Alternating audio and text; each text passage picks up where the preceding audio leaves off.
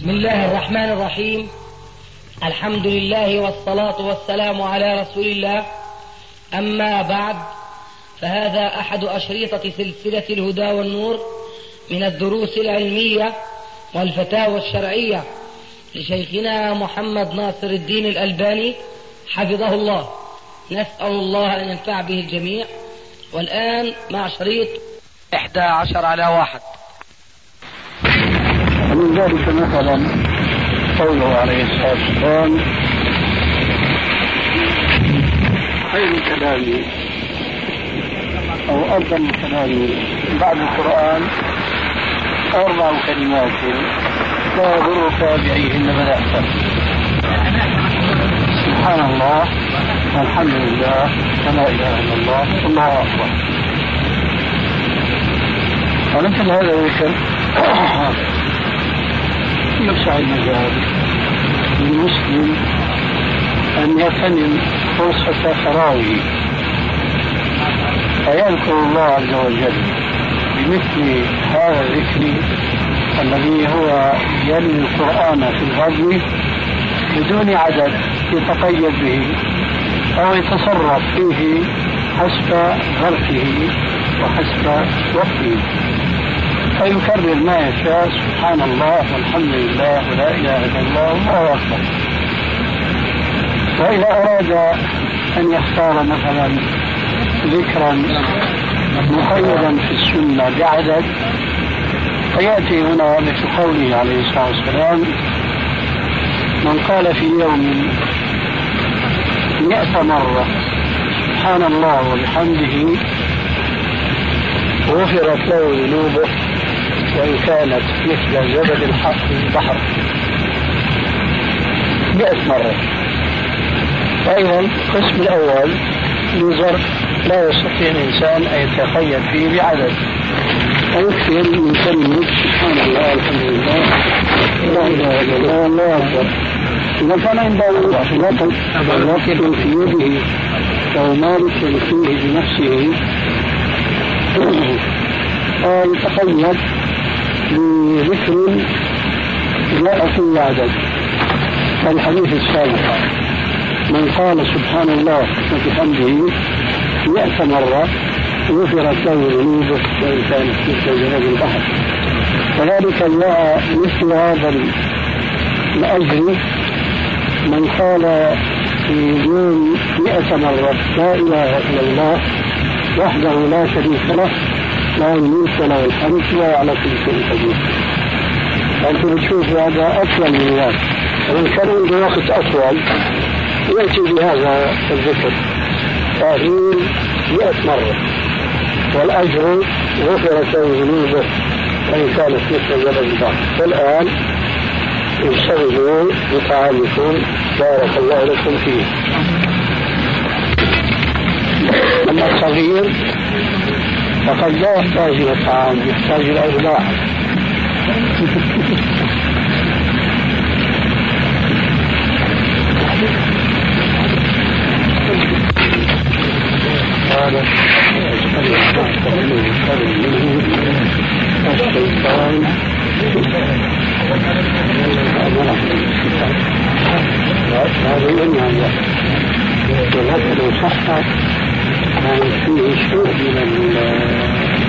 الحلق والعمل بالنسبة الذي ينسى القائد لأنه يقول أن النص يتسلم قائما أما الحديث الثاني فيه هذا فيه نسيت ويمكن يفسر الحديث الثاني. على ضوء القواعد الشرعية. والتي منها ربنا لا تؤاخذنا ان نسينا واخطانا لكن رجل يجب ان يكون صاحبك الذي المحت إليه مثالا صالحا لما نحن فيه هو يعرف الحديث هذا.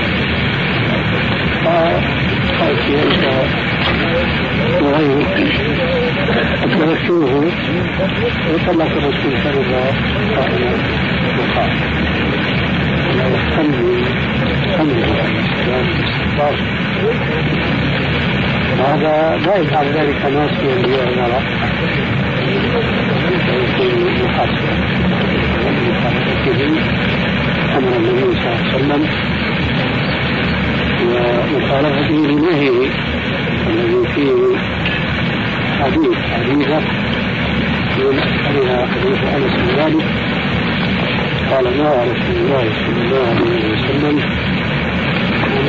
عن وتبرر له زجرة والزجر أبلغ في النهي من لفظ النهي زجرة شاء الله في هذا الساعات الله ومن سمع العلم ذلك يستقصد ويتساهل ويتبسط بشأن الرسول عليه السلام لا يدري هو تأويله والباعث له عليه ويعرض عن تشريع العام الموجه من سنة الإسلام هذا أمر في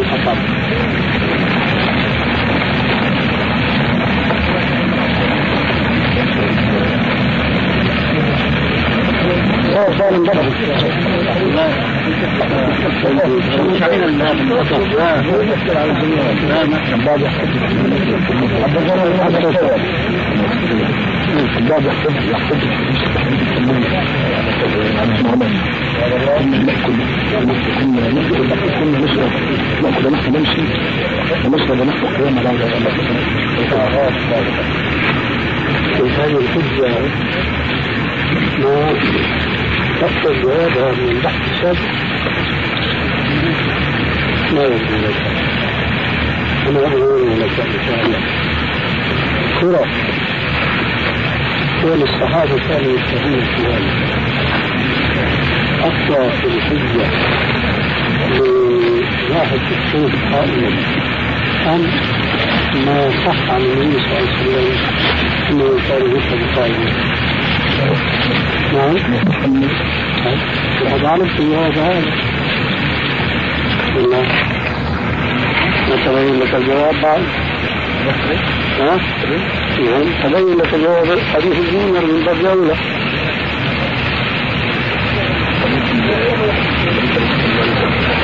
أنه كان يستخفى النجاة قد يحمل على أو في ذات معين لكن كلام ابن عمر أن يحدث أحد الصحابة وعليه الصلاة والسلام فلا أنها تصف ثم تروح هذا سؤال طيب. هذا يمكن الجواب عليه بعديد من الأمور منها أن شربه قياما كان إما بعد قبل أن ينهى الرسول عليه السلام عن الشرب قائما أو أن الذين كانوا يشربون قياما كانوا على غير علم بنهي الرسول عليه الصلاة والسلام. عن الشرب قائما ولذلك آه، النصوص التي خرج في السنة تتحدث عن ما كان في زمن الرسول عليه السلام. اختلف العلماء علماء الحديث هل هي في حكم المرفوع أم لا؟ ولا شك أن الصواب أن ذلك في حكم المرفوع إلا عند التعارض. إلا عند التعارض.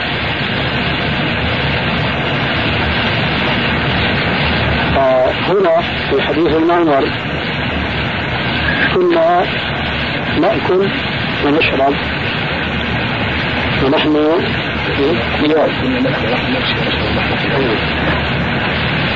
الأحاديث كما ذكرنا آنفا نهى عن الشرب قائما وقال من شرب قائما فئ ولذلك لا يصح معارضة النواهي الصريحة الصادرة عن النبي صلى الله عليه وسلم بمثل حكاية ابن عمر عن الصحابة.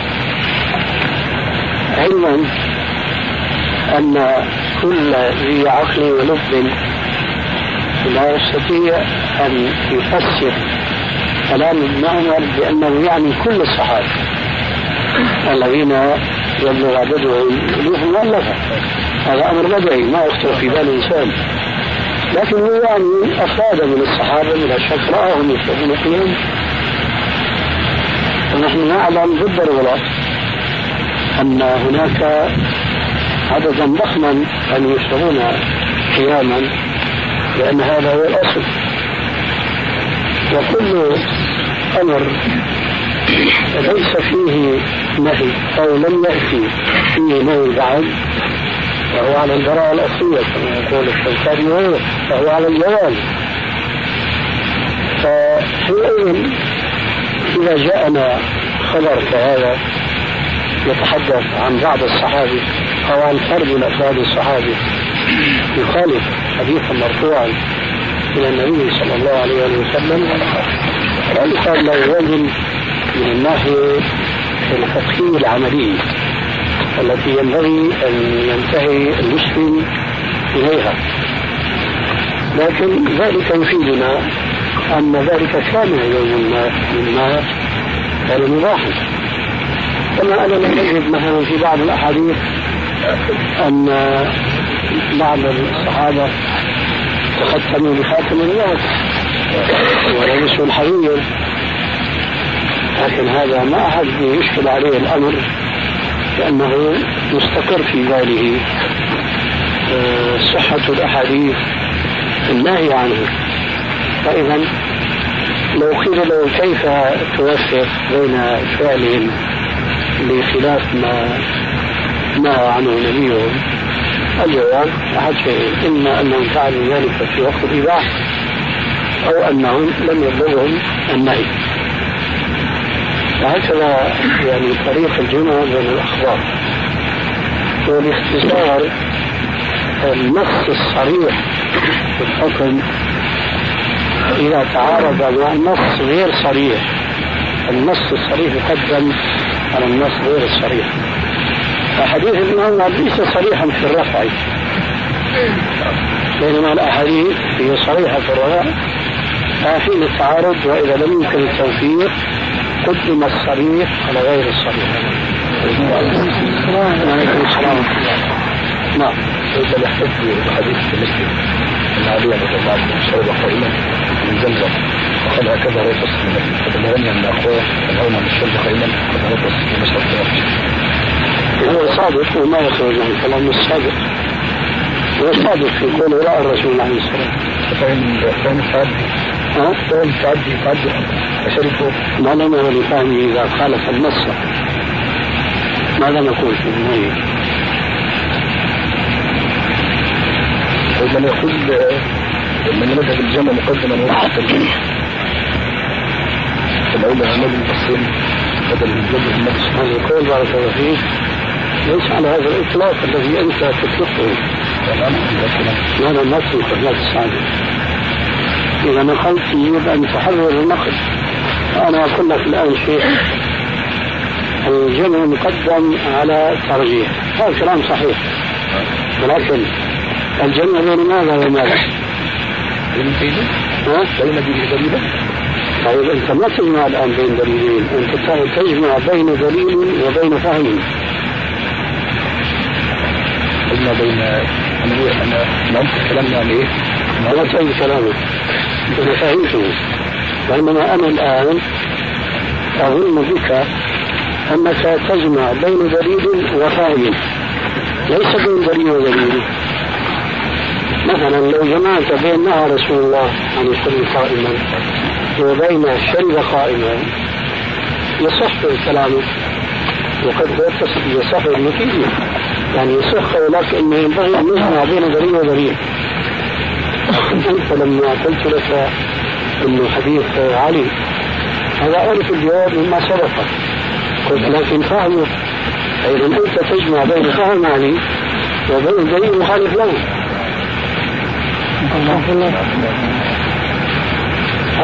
صح ولا مش مصري انت؟ نعم فهم علي دليل هو؟ دليل إذا سؤالك ليس في محله لما تقول أليس الجمع بين الدليلين هو الأصل وعدم الترجيح؟ أنا قلت لك نعم لكن هو دليل معارض بفهم لدليل وليس دليل معارض بدليل على كل حال تتأمل في هذا الكلام إن شاء الله. وهذا تبين لك الكلام بإذن الله.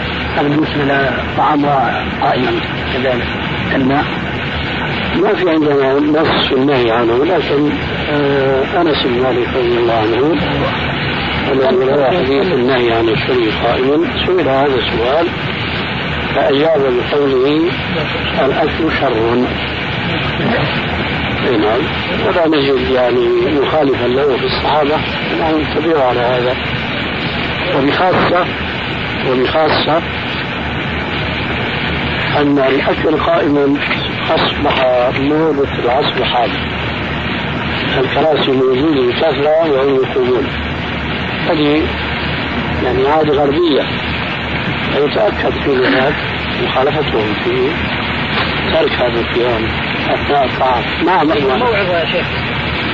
ونحن في ماذا يا أستاذ؟ نختلف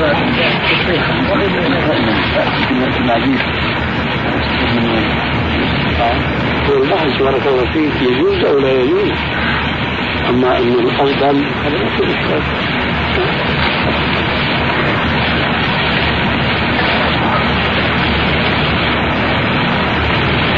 لكن ابو انس يذكرنا بموعظه يقدمها أو يقدمها بعضنا لبعض إن شاء الله. الذي يخطر في البال أن نتحدث في هذا المجال؟ حول الحديث المعروف لديكم جميعا. ولكن لا بد من التعليق على جانب من ذاك الحديث. ألا وهو قوله عليه الصلاة والسلام والذي نفس محمد بيده لا تدخلوا الجنة حتى تؤمنوا ولا تؤمنوا حتى تحابوا. أفلا أدلكم على شيء؟ إذا فعلتموه تحاببتم أفشوا السلام بينكم.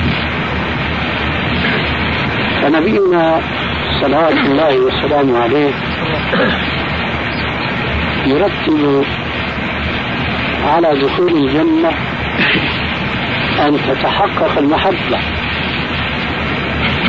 وهذه المحبة تحقق الإيمان الذي هو الأصل في دخول الجنة. فإنها محرمة. على الكافرين.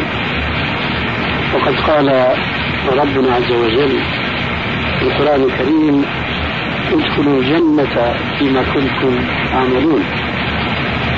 الرسول صلى الله عليه وسلم يجعل السبب المباشر في دخول الجنة هو الإيمان بالله ورسوله. لكنه يبين أن هذا الإيمان لا يكمن حتى تتحقق المحبة. بين المؤمنين. والذي نفس محمد بيده لا تدخلوا الجنة حتى تؤمنوا ولا تؤمنوا حتى تحابوا. هنا دقيقة من التفسير لهذا الحديث لا بأس من التعرض له. لا تدخلوا الجنة حتى تؤمنوا. الإيمان شرط أساسي لدخول الجنة. مهما كان شأن هذا الإيمان قوة وضعفا لأن دخول الجنة كما تعلمون جميعا إن شاء الله على مراتب وعلى منازل. فحسب قوة إيمان المؤمن وضعف إيمان المؤمن يكون له الأسبقية في الدخول أولا. أو التأخر عنها ثانيا. ثم حسب قوة الإيمان والضعف تكون منزلته في الجنة. ونحن نعلم جميعا أن هناك ناسا يدخلون الجنة بدون حساب ولا عذاب. يعني كما يقال اليوم ترانزيت أولا. لكن هؤلاء قلة نادرة جدا جدا في البشر الذين لا يعلم عددهم إلا الله. فقد جاء في الحديث الصحيح. وعليكم السلام أن النبي صلى الله عليه وسلم قال لأصحابه يوما يدخل الجنة من أمتي سبعون ألفا بدون حساب ولا عذاب وجوههم كالقمر ليلة البدر. ثم دخل عليه الصلاة والسلام بحكمة. فأخذ أصحابه يتظننون بينهم من يكون هؤلاء السبعون المحظوظون. يدخلون الجنة بدون حساب ولا عذاب. بعضهم يقول من يكون هؤلاء غير نحن المهاجرين الذين هاجروا في سبيل الله عز وجل وتركوا بلاده واوطانه آخرون يقولون لا بل نحن الأنصار الذين نصروا نبيهم عليه الصلاة والسلام في ساعة العزله ثالث يقول لا هؤلاء ولا هؤلاء وإنما هم أبناؤهم الذين يأتون من بعدهم يؤمنون بنبيهم صلى الله عليه وآله وسلم ولم يروه. ثم خرج عليهم الرسول عليه السلام جددا ليقول لهم هم الذين لا يسترقون ولا يكتوون ولا يتطيرون. وعلى ربهم يتوكلون فقام رجل من بين الصحابة اسمه عكاشة أو عكاشة بالتخفيف. قال يا رسول الله ادعو الله أن يجعلني منهم قال أنت منه فقام آخر وطلب منه نفس الطلب قال سبقك بها عكاشة. وهنا بحث طويل أيضا لسنا الآن في صدده الشاهد أن دخول الجنة على درجات وطبقات وبعد الدخول منازل فناس كهؤلاء السبعين ألف يدخلون الجنة بدون حساب ولا عذاب. ناس لا بد لهم من حساب. ولو أن مصير الحساب سيكون دخولهم الجنة بدون عذاب لكن لا بد لهم من حساب وإلى هذه الحقيقة يشير نبينا صلوات الله وسلامه عليه بقوله يدخل فقراء أمة الجنة قبل الأغنياء بخمسمائة عام لماذا؟ لأنه الأغنياء سيسألون كما جاء في الحديث الصحيح لا تزول قدمات ابن آدم يوم القيامة حتى يسأل عن أربع منها وعن ماله من أين اكتسبه وفيما أنفقه. إذا دخول الجنة حتى الذين سوف لا يعذبون لا بد لهم من حساب في المحشر ويطول ما شاء الله من سنين. أما الذين ارتكبوا ذنوبا وآثاما واستحقوا بذلك عذاب الله يوم القيامة. فحدث عنه ولا حرج فإنهم يدخلون النار ويعذبون ولكن لا بد أن يخرجوا يوما من النار بسبب إيمانهم. كما قال عليه الصلاة والسلام من قال لا إله إلا الله نفعته يوما من دهره. أي لا يخلد في النار. الشاهد من هذا الكلام كله أن نوضح قوله عليه السلام لا تدخلوا الجنة حتى تؤمنوا. هذا الإيمان هنا المقصود به مطلق الإيمان سواء كان ضعيفا أو كان قويا فهو سبب لدخول الجنة. أما أنه دخل الجنة بدون حساب ولا عذاب الجيل الأول اللي ذكرناه أو دخل الجنة بعد حساب دون عذاب أو دخل الجنة بعد عذاب ويختلف ما مدة البقاء بالعذاب كل هذه الأنواع داخلة في عموم قوله عليه السلام حتى تؤمنوا ولكن ماذا القول عليه السلام؟ ولا تؤمنوا حتى تحابوا. هل هذا الإيمان الثاني المذكور في الحديث؟ هو عين الإيمان الأول؟ جواب لا. الجواب لا. المقصود هنا الإيمان الكامل بخلاف الإيمان في المحل الأول لا تدخلوا الجنة حتى تؤمنوا ولو كان إيمانا ناقصا فالمهم هو ينجيهم من الخلود مع الكفار في النار.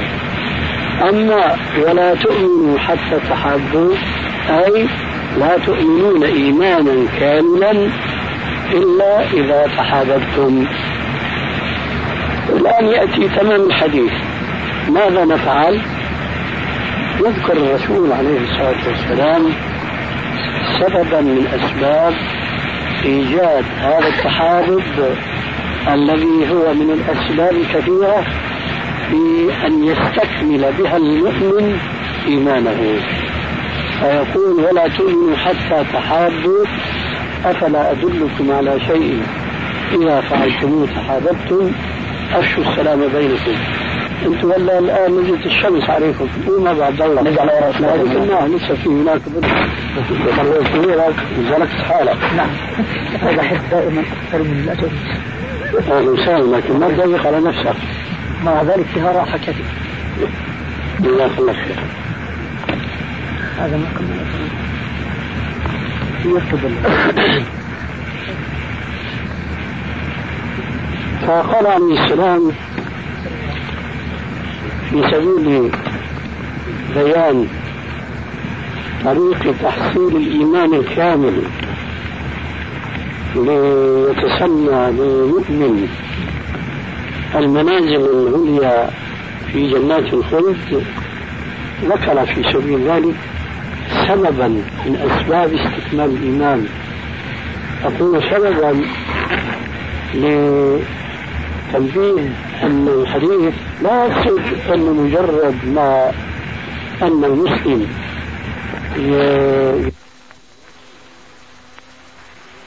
ولأخيه ما يحب لنفسه.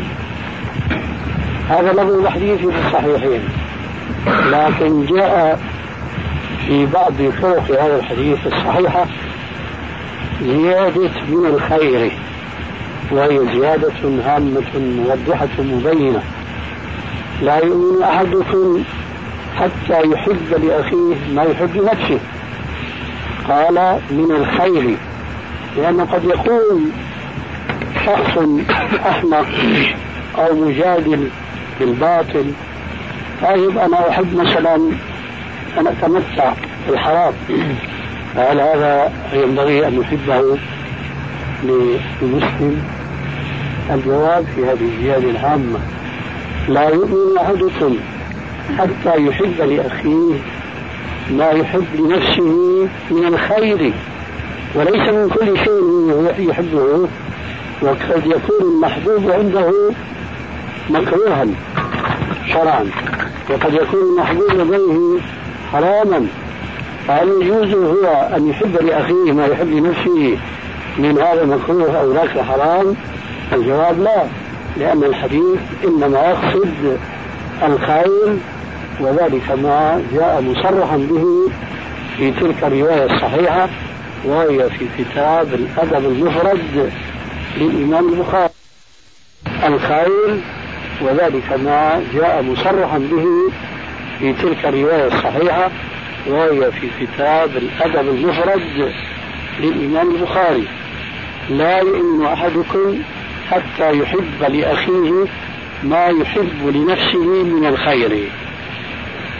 والشاهد أنكم ترون معي أن هذا الحديث شامل لكل أسباب الخير.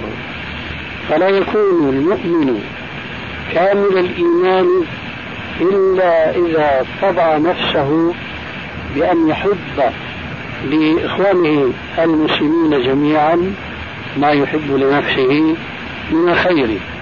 وإذا نحن وضعنا أمام أعيننا هذا التوجيه النبوي الكريم حينئذ كان ذلك من أقوى أسباب أن تصلح نفوسنا وأن تطيب أخلاقنا. ويتكامل عمل بعضنا مع بعض على ضوء من هذه المودة والمحبة الخالصة لوجه الله تبارك وتعالى.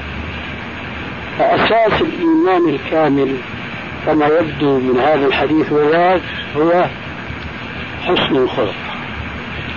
لأن المسلم حينما كما قلت آنفا يلتزم أن يعامل إخوانه المسلمين بما يحب لنفسه من الخير لا شك أنه سيكون على قدم عالية جدا من حسن الخلق وحسن الخلق جمع خير الدنيا والآخرة كما جاء في الحديث الصحيح عن النبي صلى الله عليه وسلم أنه قال إن الرجل الحسن الخلق. لا يدرك درجة قائم الليل صائم النهار. قد يكون هو مقصرا في عبادته لله عز وجل وتنفله في بعض الطاعات إما لظروف مثلا تحيط به أو لكسل ينتاب في نفسه أو لغير سبب من الأسباب الكثيرة. لكنه هو في تعامله مع إخوان المسلمين حسن الخلق وكأنه قام الليل وصام النهار بمجرد إحسانه آه، لخلقه وذلك يستلزم أن يحسن معاملته لإخوانه.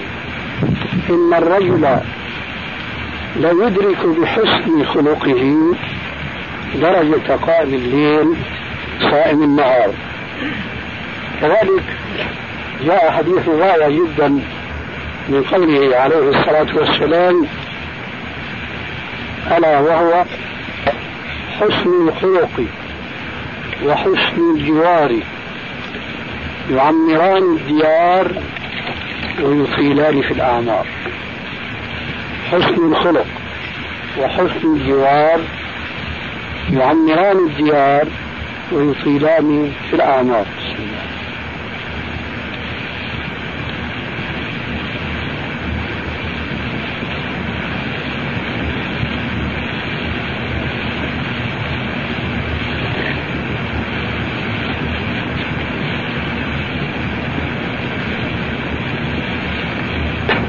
وحينئذ ليكون المسلم عند توجيهات هذه الأحاديث الصحيحة عليه أن يراقب نفسه في معاملته لإخوانه في كل جوانب الحياة.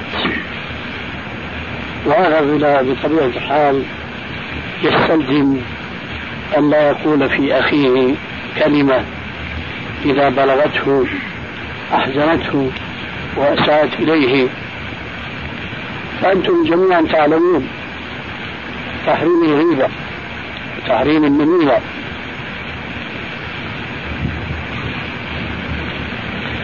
وتحريم آه، إزعاج المسلم والإضرار به ونحو ذلك. لكن الواقع المؤسف أن كثيرا من المسلمين حتى منا نحن السلفيين الذين خصهم الله عز وجل بشيء من الفقه الصحيح الذي غاب عن كثير أو عن أكثر المسلمين لكنه مع الأسف نسوا اسم آخر مما كان عليهم أن يقوموا به ألا وهو حسن التعامل بعضهم مع بعض المسلم مع المسلم. لذلك فأنا لست بحاجة إلى أن أذكركم بتحريم الغيبة والنميمة ومحاولة الإساءة إلى الناس لأن هذه الأشياء كلها معروفة لديكم لكني أذكركم وذكرى تنفع المؤمنين بوجوب مراعاتنا لهذه الأحكام الشرعية عمليا وأن لا ننحرف عنها خلقيا لنستحق تلك المراتب والمنازل العالية التي أشار إليها نبينا صلوات الله وسلامه عليه من مثل قوله في الحديث الأخير حسن الخلق وحسن الجوار يعمران الديار ويطيلان في الأعمار. هذا ما كتب لي أن أذكركم به ولعل في ذلك ذكرى حسنة وذكرى تنفع المؤمنين بإذن ربنا تبارك وتعالى. وبعد هذه التذكرة لا مانع بطبيعة الحال أن نسمع من إخواننا الحاضرين إن كان لهم شيء من الملاحظات أو من السؤال أو من فائدة توجه. نعم. أو هذا الموضوع نفسه. هو الأبدع فإن يريد فبها وإلا فليكن أهم من ذلك وجعل بعضكم الله لا حول من نفس الموضوع هو الشمس وأنا سجارة وأنا شو من وين الثلج أنا عايز ما شاء الله. وفي هذا الوقت أيضا. على انت عارف يعني. نعم. بالنسبة محمد في هذا الحديث. هل يعني يقول أن الإنسان إذا كان وصل الرحم يقول أنه تعرف يقرا عفوا اذا قلت لك سؤالك مفهوم لكن هو خطأ ليه؟ لأنه ما دام الرسول يقول يطيل العمر إيش معنى السؤال هل يطيل العمر؟ لكن لكن أنا قلت لك سلفا فلا تستعجل علي. قلت قصدك مفهوم لكن السؤال خطأ. لو قلت مثلا سمعنا من بعض الناس أو بعض العلماء وبعض المشايخ انهم يفسرون طول العمر هنا بغير ما يدل عليه ظاهر الحديث. كان أليق وآدب بالنسبة لكلام الرسول الصريح لا سيما وهناك حديث آخر وهو منه أشهر وأصح. ألا وهو قوله عليه الصلاة والسلام من أحب أن يوسع له في أجله ويوسع له في رزقه فليصل رحمة. من أحب أن يوسع له في أجله ويوسع له في رزقه فليصل رحمة. من عجائب التأويلات التي لا يكاد ينقضي عجبي من صدور ذلك من بعض أهل العلم تأويل لهم بهذا الحديث والذي قبله. لأنهم يقولون ليس المقصود إطالة العمر حقيقة وإنما المقصود المباركة في عمر هذا الإنسان. ولماذا يتأولون هذا التأويل؟ يتأولون هذا التأويل بحجة هي قائمة على تأويلهم. ذلك لأنهم يقولون لأن العمر محدود والرزق رزق مقسوم وهذا مصرح في أحاديث التي فيها أن الجنين قبل أن ينفخ فيه الروح ويأتي الملك لينفخ فيه الروح يسأل ربه عن آه، سعادته وشقاوته وأجله ورزقه. رزقه. يقول فإذا العمر محدود والرزق مقسوم فكيف يعني يقال أن العمر يطول والرزق يتوسع يوسع عليه. لذلك تأولوه بذلك التأويل. وموضوع تعجبي هو أنه لا يمكن لمسلم أن يقول في ما تأولوه به إلا ما يقوله فيما تأولوه. أي البركة نفسها هي أيضا محدودة ومقسومة. مؤلفة في اللوح المحفوظ لا تتغير ولا تتبدل. فأيش الفائدة من قولنا أنه مقصود البركة في العمر. والبركة في الرزق. هو البركة في الرزق في العمر. هذه حقيقة. لأن كثير من الناس كما تعلمون يأتيهم الرزق الواسع. ولكن ما بين عشية وضحى يصبح صوف والدين صحيح هذا الحديث بركة. لكن نقول لماذا تأويل طول العمر وسعة الرزق بالبركة؟ والبركة أيضا محددة. أيضا ما استفدنا شيء من هذا التأويل. فرارا من الإشكال الذي يوردوه على أنفسهم أي في تأويلهم هذا يقال لهم مكانك راوح لا يتقدم إطلاقا. فما الجواب الصحيح؟ الجواب الصحيح هو ما جاء في الحديث صراحة. أي الرزق يوسع على صاحبه الخلق الحسن والواصل بأقاربه وعمره يطول. وكيف ذلك؟ والعمر محدد. الجواب بسيط جدا. لو كنتم تعلمون جواب السعادة والشقاء. السعادة والشقاء ليست محددة أيضا. طبعا. قد قيل للرسول صلى الله عليه وسلم آه، أعمالنا هذه آه، عن سابق عن قدر ماض أم الأمر أنف؟ قال لا بل عن قدر ماضي قالوا له ففيما العمل؟ قال اعملوا فكل ميسر لما خلق له. فمن كان من أهل الجنة فسيعمل بعمل أهل الجنة. ومن كان من أهل النار فسيعمل بعمل أهل النار. وتلا قوله تبارك وتعالى فأما من أعطى واتقى وصدق بالحسنى فسنيسره لليسرى. وأما من بخل واستغنى وكذب بالحسنى فسنيسره للعسرى. إيش معنى الحديث والآية؟ معنى الحديث والآية أن السعادة والشقاوة كل منهما مرتبط في علم الله عز وجل والذي سجل في اللوح المحفوظ العمل الصالح مع السعادة والعمل الصالح مع الشقاوة. بيجي هذا قطع منه اي والله. اول مرة تفضل تفضل يا الله بسم الله.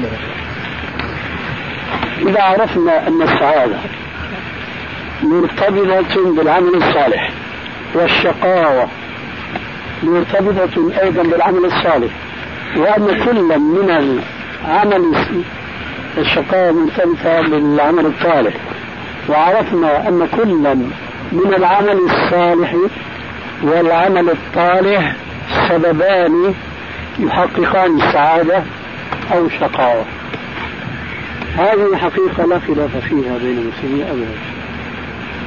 إذا إذا كان العمل الصالح هو سبب السعادة والعمل الصالح سبب الشقاوة فصلة الرحم وحسن الخلق سبب في طول العمر والسعة الرزق أي إن الحديثين السابقين ذكرا وهو حسن الخلق وحسن الجوار يعمران الديار ويطيلان الأعمار. والحديث الآخر من أحب أن ينسى له في أجله وينسى له في رزقه فليس رحمه يتحدثان في دائرة الأسباب. شو سبب السعادة؟ سبق العمل الصالح. شو سبب الشقاوة؟ العمل الصالح. هنا الحديثان يتحدثان عن سبب. سعة الرزق وطول العمر قال حسن الجوار وصلة الأرحام. فنحن ما ندري ما الذي كتب على الإنسان. السعادة أم شقاوة؟ لكن العمل هو الذي يذرينا. ولذلك جاء في الحديث الصحيح أن رجلا سأل النبي صلى الله عليه وسلم كيف بي أن أعلم أنني أنا يعني مسلم أو مؤمن أو محسن؟ قال سل جيرانك فإن أحسنوا الثناء عليك فأنت مسلم وإن أساءوا الثناء عليك فأنت غير مسلم أو كما قال عليه السلام. إذا الأعمال هي مربوطة مع القدر الغائب عنا ولذلك قال تعالى في الآية السابقة فأما من أعطى واتقى وصدق بالحسنى فسنيسره ليسرى أي الجنة. وأما من بخل واستغنى وكذب بالحسنى فسنيسره للعسرى وكما أن رجلا لا أقول مسلما وكما أن رجلا عاقلا لا يستطيع أن يقول أنا أترك أسباب الصحة وأترك أسباب القوة والسعادة الدنيوية بحجة أنه إن كان الله مقدم لي الصحة والسعادة الدنيوية هاتجيني هذه السعادة ولو أنا ما اتخذت سبب من الأسباب.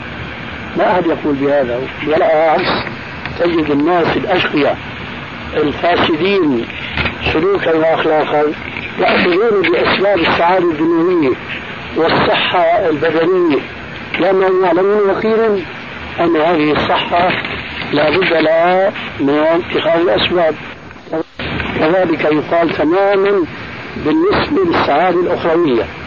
إذا المسلم يريد أن يكون سعيدا فعلا عليه أن يضع نصف عينيه الآية السابقة.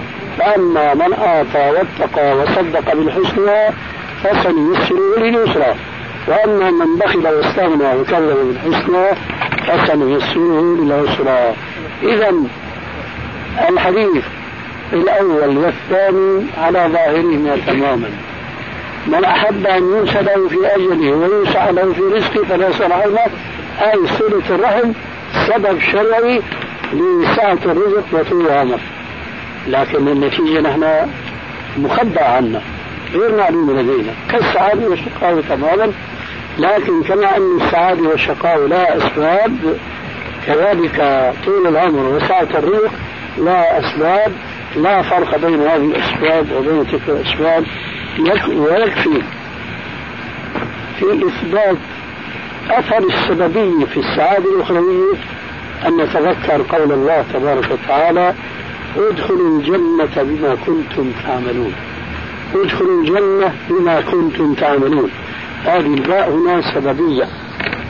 يعني بسبب عملكم الصالح وأعظم الأعمال الصالحة هو الإيمان. كما جاء في الحديث الصحيح أن النبي صلى الله عليه وسلم سأل رجل قال عن أفضل الأعمال قال الإيمان بالله تبارك وتعالى. العمل الإيمان عمل قلبي.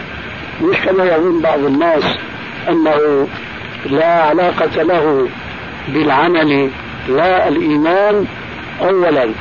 لا بد من أن يتحرك القلب بالإيمان بالله ورسوله. ثم لا بد أن يقترن مع هذا الإيمان الذي وقر في القلب أن يظهر ذلك على البدن والجوارح. لذلك فقوله تبارك وتعالى ادخلوا الجنة بما كنتم تعملون نص قاطع صريح. بأن دخول الجنة ليس بمجرد الأماني كما قال تعالى ليس بأمانيكم ولا أماني أهل الكتاب من يعمل سوءا يجزى به. من يعمل خيرا يجزى به. من يعمل سوءا يجزى به. كما قال تعالى فمن يعمل مثقال ذرة خيرا يره ومن يعمل مثقال ذرة شرا يره. لعلك أخذت الجواب سؤالك طيب هيئوا سؤالا آخر نعم يقول أخ سمعنا من بعض الإخوة أنه كتب موضوعا عن التصوير أجاز فيه التصوير الفوتوغرافي وراجعك في الموضوع ووافقته فهل هذا صحيح؟ أرجو التوضيح. لا يحتاج إلى التوضيح يجوز؟ أخ يسأل يقول إن ستر العورة في الصلاة واجب وليس شرطا فما مدى صحة هذا القول وعلى هذا وعلى هذا يصحح صلاة من تصلي بالبنطال الحقيقة أن بالنسبة لشرطية العورة في الصلاة ستر العورة في الصلاة آه، متفق عليها بين الأئمة الأربعة وغيرهم آه، ليس عليها دليل آه، صريح. ويقتنع به كل طالب للعلم ولذلك يرد مثل هذا السؤال من هذا السائل. لكن هو لو تأمل في حديث واحد ربما فتح له باب الاقتناء بالشرطية التي نفاها وبنى على ذلك صحة صلاة آه، من يصلي بالسوء مكشوف العورة خاصة إذا كانت امرأة. أعني بذلك قوله عليه الصلاة والسلام لا يقبل الله صلاة حائض إلا بخمار نعم. لا يقبل الله صلاة حائض إلا بخمار فماذا يريد هذا السائل أكثر من هذا الحديث في نفي قبول صلاة المرأة التي تصلي بغير خمار كاشفة عن رأسها إلا أن يكون ظاهريا ليس له مجال وأفق واسع في الفقه. فأقول أنا أقول لأن التي تصلي مكشوفة الرأس لا تقبل صلاتها لكن إذا صلت مثلا مكشوفة القبل والدبر تقبل صلاتها. إن كان وصل فقه إلى مثل هذا الفهم فهو بلا شك مما لا نهنئه به كما لا نهنئ من يدندن هو حول ظاهريته حينما قال في تفسير حديث أبي هريرة نهى رسول الله صلى الله عليه وسلم عن البول في الماء الراكد قال ذاك الظاهري القديم فإذا بال في إناء وأراق ما في الإناء من البول في الماء الراكد جاز. هكذا يقول. الحديث ماذا يقول؟ نهى رسول الله صلى الله عليه وسلم عن البول في الماء الراكد. بحيرة صغيرة هناك ليس فيها ماء جاري. فلا يجوز باتفاق البول في هذا الماء الراكد. لكن شذ بعض الظاهرية فقال لو بال في إناء فارغ ثم أراق هذا البول من الماء من الإناء في الماء الراكد جاز. ما الذي لاحظ؟ لاحظ الحرف من حيث التعبير العربي هذا الذي بال في الإناء الفارغ. وملأه بولا هذا لا يصدق عليه أنه بال في الماء الراكد حقيقة الماء العربي. هذا يقال بال في الماء في الإناء الفارغ. لكن النكتة في الموضوع أن ذاك الظاهري بيقول ما دام ما بال مباشرة في الماء الراكد وإنما بال في إناء فارغ فلو أفرغ هذا البول من الإناء الفارغ إلى الماء الراكد جاز هذا عجيب من الفهم لأن كل إنسان يفهم أن الرسول عليه السلام حينما نهى عن البول في الماء الراكد أولا قصد المحافظة إما على طهارة الماء وإما على الأقل على نقاوة الماء لأنه قد لا يتنجس.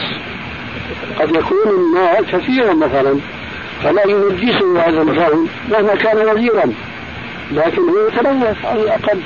فإذا الرسول صلى الله عليه وسلم حينما نهى عن البول في الماء الراكد قصد على الأقل محافظة على نقاوة الماء. أن الإنسان إذا شاف إنسان يبول في هذا الماء ولو نظر إليه نظرة الشرعية فوجده طاهرا لأنه لم يتغير أحد أنصاره ثلاثة لكن نفسه تأبى أن تشرب من هذا الماء وقد وقع فيه ذلك البول فإذا الرسول صلى الله عليه وسلم حينما نهى عن البول في الماء الراكد قصد على الأقل محافظة على نقاوة الماء فضلا عن نجاسته أو المحافظة على طهارته. هذا أو ذاك يتحقق ولو بتلك الوسيلة التي تصورها ذلك الإنسان. والرسول صلى الله عليه وسلم لما نهى عن البول في الماء الراكد عالج أمرا آه، طبيعيا ليس خياليا. لأن الإنسان هذا المثال الثاني بال في الإناء الفارغ ثم أراقه في الماء الراكد. يعني هو خيالي أكثر مما هو واقعي هو تخيل هذه الصورة. لكن بالتعبير الشامي أي حيوان يتعاطى هذه الصورة؟ يأتي إلى الإناء الفارغ فيملأه بولا ثم يريقه في الماء الراكد. هذه صورة خيالية محضة هو يتخيلها ليظهر فلسفته الظاهرية. ويقول الأمر الأول لا يجوز والأمر الآخر يجوز ليه؟ لأن الرسول ما عن البول في الماء الراكد. وهذا ما بال ما بال في الماء الراكد. نحن نقول لغة ما بال في الماء الراكد لكن فقها لا فرق بينه وبين النتيجة واحد. ومثل العامة كل الدروب الطاحون وكما صورت أكثر من مرة رجل ما بال يا سيدي في الماء في الإناء الفارغ. آه، ماسورة طويلة يمكن تكون في أعلى جبل بال في الماسورة فر نزل البولين في الماء الراكد. مو بيقول انه هذا في فرق بين ما إذا بال مباشرة أو بواسطة الماسورة هذه. هذا جنون. كذلك نريد أن نقول إذا قال الرسول عليه السلام لا يقبل الله صلاة حائض إلا بخمار كان هذا دليلا أنه لا يجوز للمرأة أن تصلي إلا وهي ساترة لعورتها لأن رأسها من العورة لكن هناك عورة أكبر وأفسد منها لو صلت وفخذها ظاهر مثلا. فهذا أحسن وأفسد لصلاتها.